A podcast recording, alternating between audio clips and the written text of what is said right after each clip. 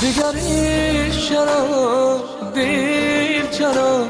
وقتی من تنهایم پیر دیر تو قهری تو من نمی‌خوام.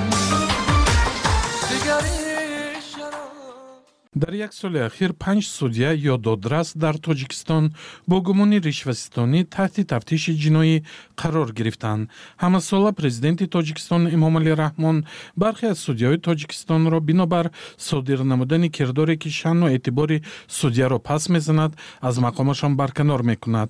Аммо ба гуфтаи соҳибназарон мизони ҷиноят дар кори судяҳо ба маротиб бештар аз омори расмӣ аст ва яке аз сабабҳои ин амр пуштибонии мақомоти тафтишотӣ будааст. Ҷузъиёти мавзӯъро ман искандари фирӯз бароятон пешниҳод мекунам сулаймон султонзода раиси агентии назорати давлатии молиявӣ ва мубориза бо коррупсияи тоҷикистон дар нишасти хабарии ахир гуфт ки дар соли гузаштаи 2023 зидди панҷ судяи додгоҳҳои кишвар бо гумони ришва парвандаи ҷиноятӣ боз карда шудааст. Вай афзуд шумораи парвандаҳо назар ба гузашта бештар нашудааст вале дар соли гузашта ҳолатҳои содиршавии ҷиноятҳо аз сӯи судяҳо афзоиш ёфтааст. Моҳи гузашта бархе аз расонаҳои маҳаллӣ аз боздошти бахтиёр абдураҳмонзода раиси додгоҳи ноҳияи панҷи вилояти хатулон хабар дода навиштанд ки ин мансабдор ба ришваситонӣ айбдор шудааст насриддин низомзода сардори раёсати тафтишотии агентии назорати молиявӣ ва мубориза бо коррупсияи тоҷикистон гуфт ки тафтиши амалҳои раиси суди ноҳияи панҷи вилояти хатулон идома дорад. Баъд аз анҷоми тафтишот иттилоъ дар бораи ҷузъиёти фаъолияти ҷиноятии ин мансабдор пешниҳод карда мешавад. Як рӯз баъд дар нишасти матбуотии додгоҳи олии тоҷикистон хабарнигорон аз шермуҳаммад шоҳиён раиси ин ниҳод низ дар бораи ҷиноятҳои содиршуда аз сӯи судяҳо пурсиданд. Посухи ҷаноби шоҳиён аз омори пешниҳодии агентии зидди фасоди тоҷикистон тафовут дошт. Соли гузашта се нафар ба ҷиноят даста зада буданд. Ду нафар барои гирифтани пора ва як нафар барои қаллобӣ мавзӯи ришвасистонӣ дар додгоҳҳои тоҷикистон ба андозае машҳур аст ки ҳатто раиси ҷумҳури тоҷикистон эмомалӣ раҳмон низ дар суханрониҳояш пайваста ба ин мушкил рӯй меоварад. Дар суҳбат бо судяҳо ва прокурорҳо дар соли гузашта вай гуфта буд ки агар ҳадафи онҳо на ҳимоят аз адлу ҳақиқат балки танҳо ҷамъоварии сарват бошад набояд дар ин низом фаъолият кунанд. Ҳар кадоми шумо дар вақти суҳбат ман таъкид кардам агар барои вазифаи мансаби шудагӣ танҳо барои як ҳадаф бошад қонеъ кардани нафси дагалам шавад бади худ хубаш ки дар ҳамин система кор кардан дар кор нест. Донишманди риштаи ҳуқуқ шокирҷон ҳакимов дар шарҳи ин мавзӯъ ба радиои озодӣ гуфт ки изҳори назари танҳо президент раҳмон наметавонад фасодкорӣ дар низоми додгоҳии тоҷикистонро аз байн бубарад با گفتن و پند و نصیحت و تاکید پرزیدنت تاجیکستان مسئله حل نمی‌شد تا اراده سیاسی و نظارتی قوی با جلب جامعه شهروندی نباشد. Ба гуфтаи шокирҷон ҳакимов ҷиноят дар низоми додгоҳии тоҷикистон ду омил дорад ки яке аз онҳо таъйини судяҳо бо дарназардошти маҳалли таваллуд ва робитаҳои дӯстона бо сохторҳои дигари қудратӣ аст.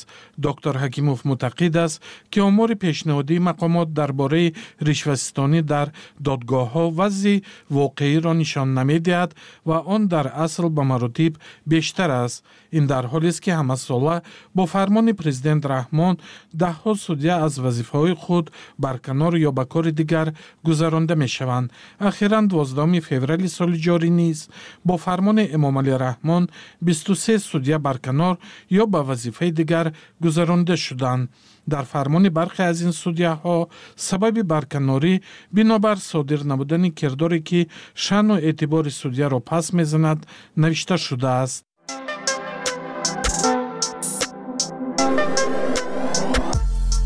танҳо садост ки мемонад. Ганҷи шойгон.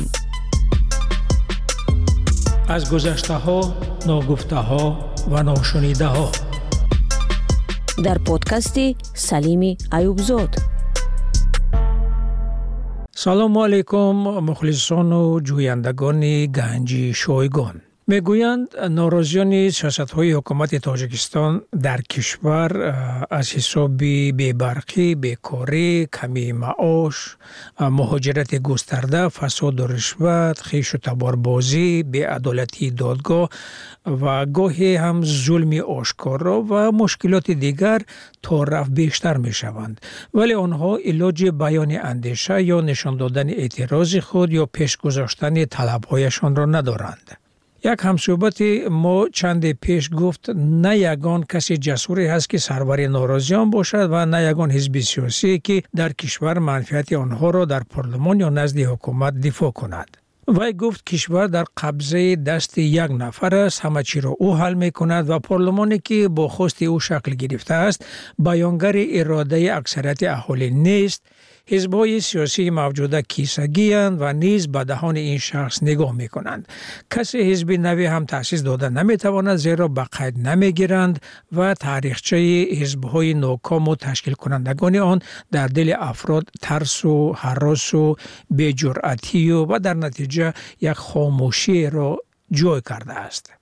آخرین تلاش این تأسیس حزب سیاسی تاجیکستان نو از طرف صاحبکار کامیاب و وزیر پیشین اقتصاد زید سعیدوف بود که ظاهرا برای همین تلاشش به 29 سال زندان محکوم گشت. به 29 سال زندان همچنین کسی محکوم شد که می‌خواست در انتخابات آخر نامزد مستقل مقام پرزیدنتی تاجکستان شود.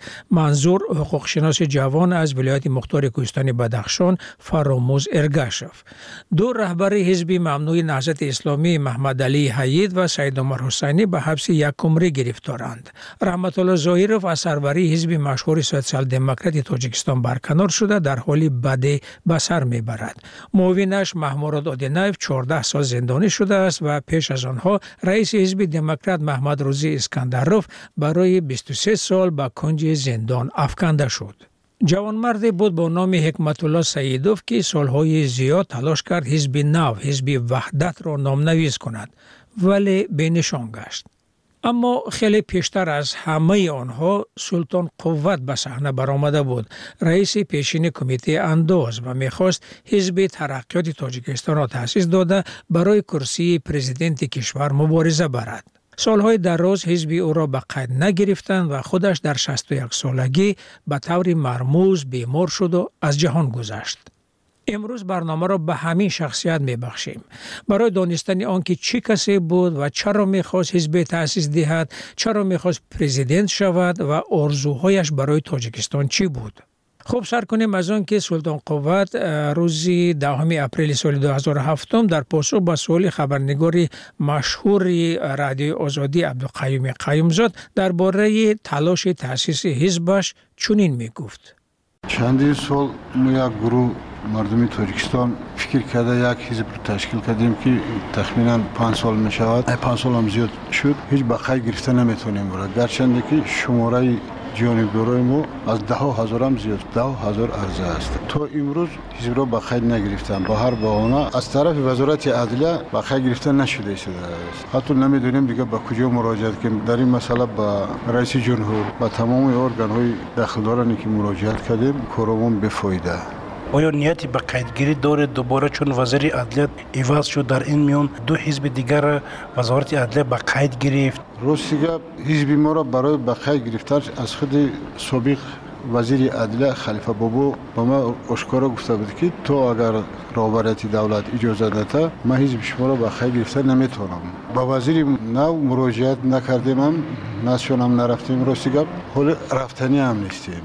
Барои ман боварӣ дорам ки حزب ما را به خیر نمی‌گیره حزب ما شمارش سال به سال روز به روز زیاد شده است. و فکر من که میترسن از حزب ما که همخیل حزب وقوع در جمهوری پیدا شود و فعالیت کنند حالا مثلا یکی که حزب شما در محل ها فعالیت می‌کنند حزب فعالیت دارد لیکن رسما شناخته نشد. در همه شهر و نویای جمهور فعالیت می‌کنن هستن آدم درست است که شما مثلا هشدار دادند که دیگر به کارهای سیاسی آمیخته نشود گویا که بر ضد شما پرونده درست شده است که اگر در صورتی که به کارهای سیاسی وارد می شود این پرونده فعال کرده می شود به مقابل شما و شما هم به همین خاطر از صحنه سیاسی خود را کنار گرفته اید. نه یگون کس ما را تهدید کردگی نیست. از صحنه هم دور نرفتیم. در باره که من از سیاست رو من ترسونده باشن این گپ هم نبود. کار جنایتی از بالای هم آغاز کردگی نبود. این گپ همش گپ دروغ است. فقط از بالای جانشین من فضیف رستم.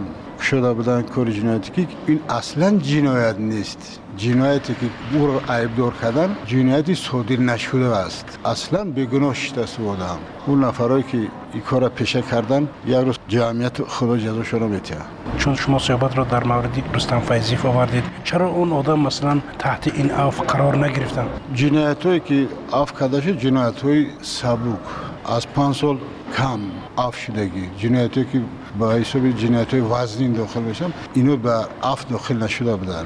از این جمله فیض رستم با این نمود جنایت ها داخل نمیشه. برای همین او عفو نشد. شما همراه اون میگم بر ملاقات کردید یا دیدار بینی داشته؟ چندین بار ما با فیض رستم واخری داشتم خبر بگرفتم او اصلا جنایت ندارد.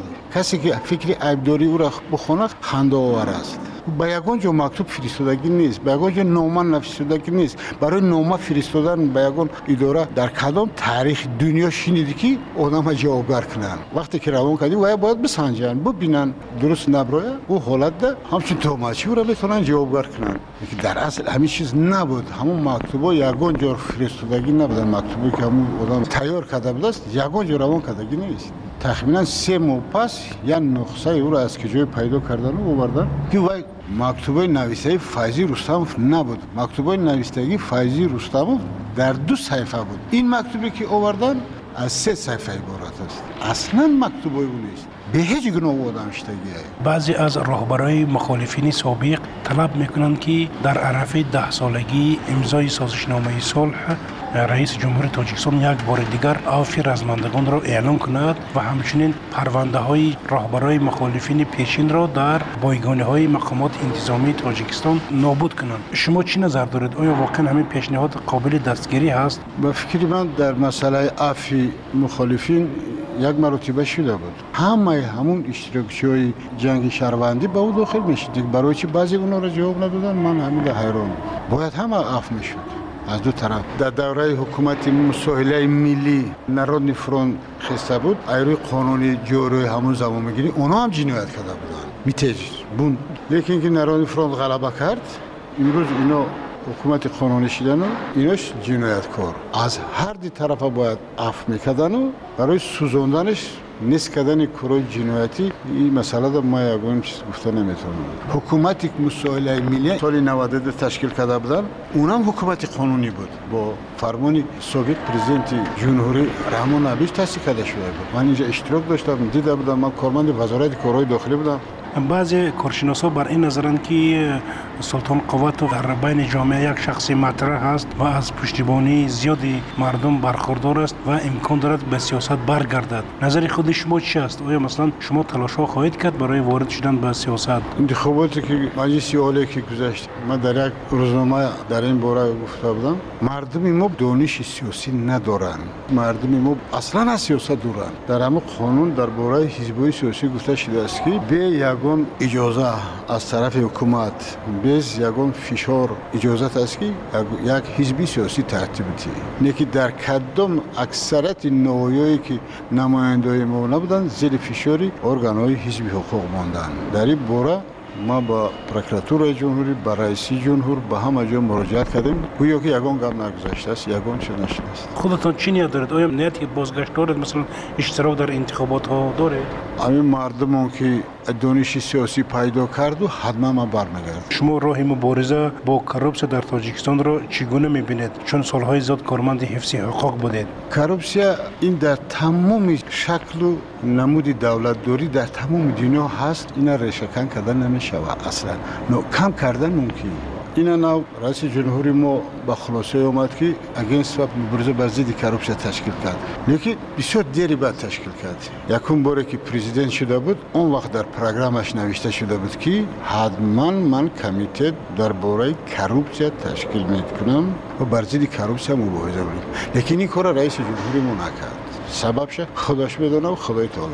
لیکن برای چی روز بر روز کروپسیا در جمهوری ما آوج گرفت و ریشه دوان؟ مثل اجریق میگن. زرد هم کم بدترین از زرد پیشک های که حاضر مردم شوخی می‌کنن که بی پول سلام تا علیک نمی‌گیرن. یکم خطاگی در جمهوری امی بود که در نزد وزارت کارهای داخلی اپرالین مبارزه بر ضد جنایت اقتصادی بود. این اپرالین را برهم دادن. برای دزدان روح شده شد. تو این کروپسیا را تشکیل کردن در نزد پروکراتور ریسپوبلیکا اپرالین مخصوص برای کروپسیا شده که خود شما فکر کنید پروکراتور روسیه همه قانونا را نظارت می‌بره همه ارگانا را نظارت می‌بره همه حقوق داره حجت در نزد پروکراتور شدن همین کروپسیا نبود. موافق قانونهای جوری جمهوری همین حقوق کارمندان پروکراتور ندارد قانون درباره جستجوی فوری است که همین پروکراتور این حقوق ندارد در حالتی که ندوشه با واسطه چی و یا این کار می‌کردن؟ مبارزه می‌برد حاضر تشکیل کردن اگنس و پاور بس چه ما باوری دارم که سه فویز متخصص در جمهوری نمی آوان و فکر من باز یک پروکراتور دیگه شده. فکر من ممکن من صاف کنم. یک پروکراتور بود با یک پروکراتور دیگه شده. در وزارت و کمیته هایی که اصلا از یک قام از یک اولاد عبارت است او هیچ وقت پیش رفته نمی‌تونه. در دولت های ترقی کرده دموکراتی در وزارت هایی که راهبرش پدرش پیسرش کار نمی‌کنه دوره شوروی دم همین خیلی بود در نمی‌دونم همین دستور خشتبارگری باشه و قمچی باشه اولادچی باشه یه دولت ما پیش نمیره و ترقی نمی‌کنه برای چی نبی راه میگن؟ که اینوستورهای خارجی به ما نمیاد این اساسش کروپچی است. اساسش کروپچی که همون سهمیه که ای خارجی میاد آدمای ما از اونا یک چی چی امید دارن یعنی ده فویز میگه با ما یکی پنج فویز با ما. برای همین هم یعنی یک مثال دیوم زمین در ما مالکیت دولتی است. اگر همین زمین مالکیت شخصی و دولتی میشه با خیلی خوب میشه مالکیت دولتی بشه و شخصی بشه در ما مالکیت دولت از زمین چی خیلی می‌خواه همون خیلی استفاده می‌برد. ما همون چی خیلی که میگن در زمین دولت کوارتیرانتی اینو درسته. اوضاع کردیم تمام داره که ما استقلالیت استقلالیت سه سوتیخ یا که چهار سوتیخ یا که پنج سوتیخ زمین من می‌خرم اینی من میشه بالی همون آزاد قدم می‌زنم. این است استقلالیت. دلی من پر از فرد من مرده رفتم پیسری من یا دختری من در همیشه آزادانه زندگی می‌کنه. استقلال من این خیلی می‌فهمم دیگه مو خیلی می‌فهمم فهمیدن ایران من امی خیلی می‌فهمم اگر تو زمین به خلق داده نشود یک قدم ما پیش رفته نمی‌تونیم حالا آقای سلطان قوت چی می‌توانند بگن به مردم که به چیکار مشغول هستند؟ ما به تجارت صاحب کاری دیگه یک کاری دیگه در مشغول نیسته بازم همینطور سلطان قوت به طور مجبوری از صحنه سیاست رانده شد برای این بارها او را به کمیته امنیت دعوت کردند رستم فیضیف یعنی معاون او را در حزب بازداشت و در سال 2004 با ایمنامه تحقیر رئیس جمهور و دعوت به تغییر زورآورانه حکومت ضمن نامه های نوشته ولی نفرستاده او به سازمان ملل اما در اصل برای اعلان گرسنشینی سیاسی به نشان اعتراض از نامنویس نشدن حزب ترقی تحقیقات به پنج سال و ده ماه زندانی کردند. دیرتر او به طور مرموز در محبس فوتید.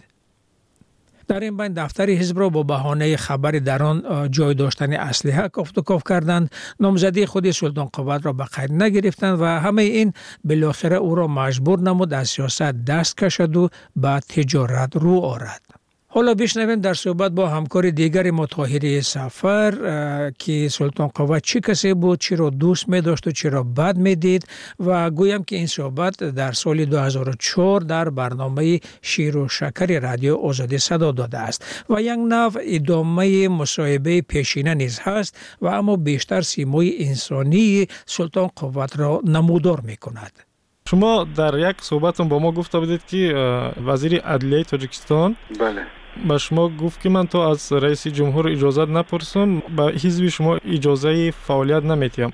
Баъд шумо гуфтед ба қайд намегирам. Баъд гуфтед ки ба фикрам халифа бобо ҳомидов дурӯғ мегӯяд ба фикри шумо вай яъне дурӯғгӯ аст шумо вай дурӯғгӯ меҳисобед бале.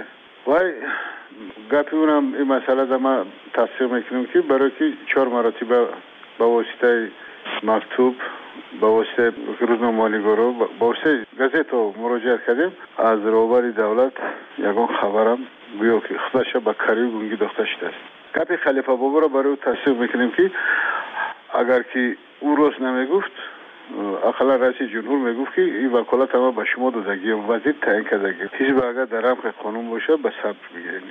از از رئیس های احزابی که ثبت نام شدن اونا دوستاتون کدام است یا که رفت آمد نداریم با اون رئیسای احزاب دیگر؟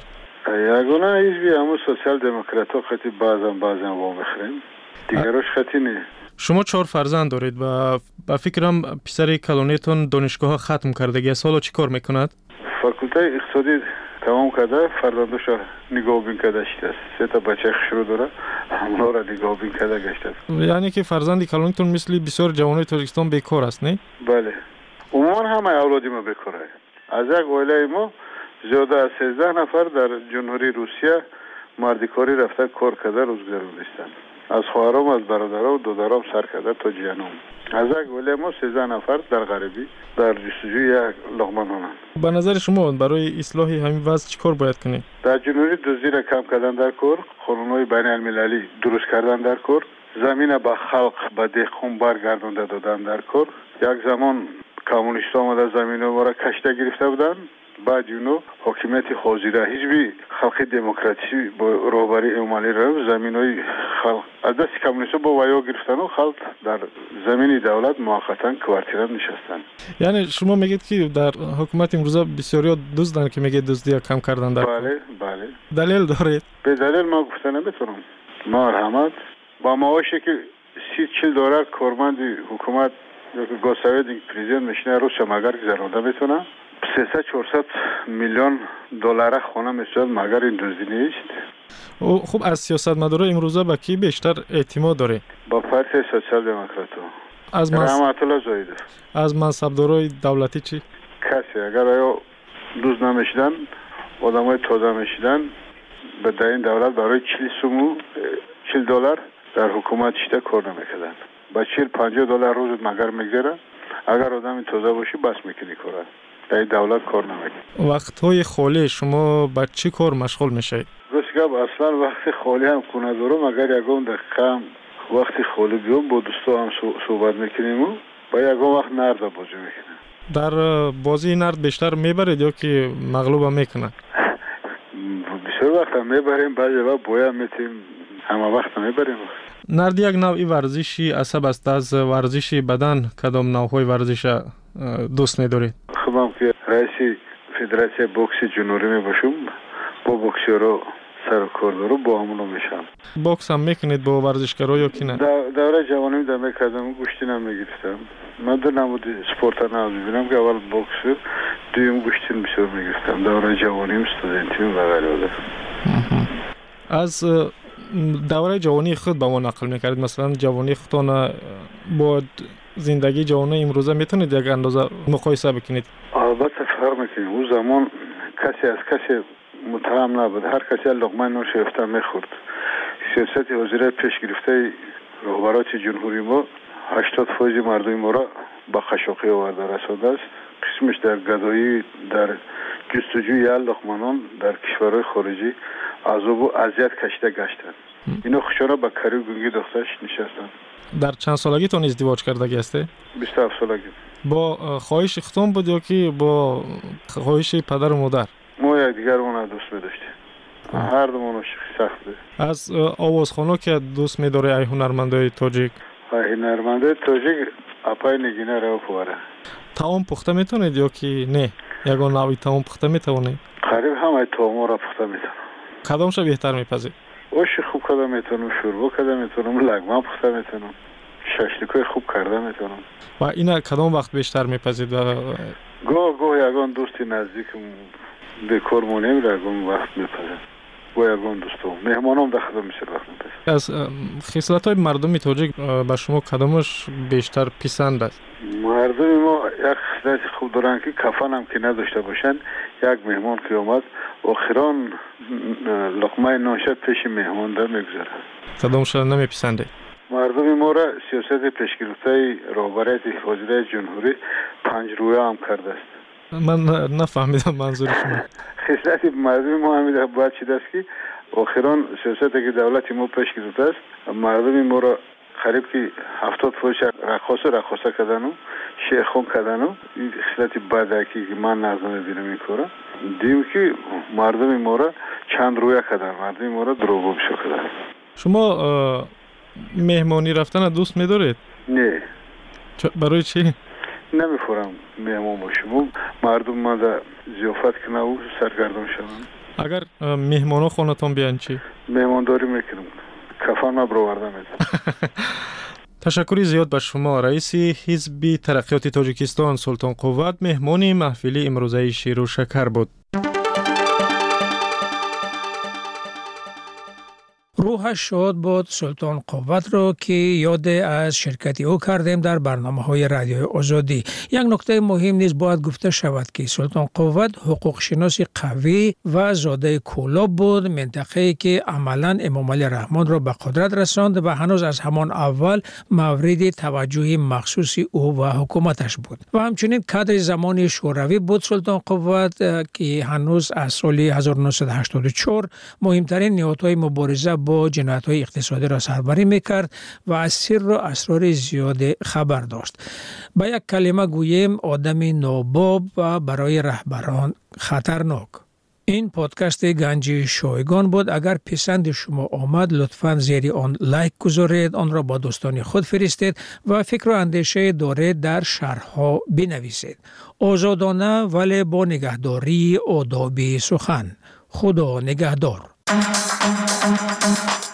дар роҳ ҳастед меҳмонӣ ё дар ҷои кор ё дар ҷои кор илоҷи хондан надоред имкони дидан ҳам имкони дидан ҳам подкасти радиои озодиро бишнавед нақли гӯшагӣ танҳо барои шумо дар вақти дилхоҳ ва ҷои дилхоҳ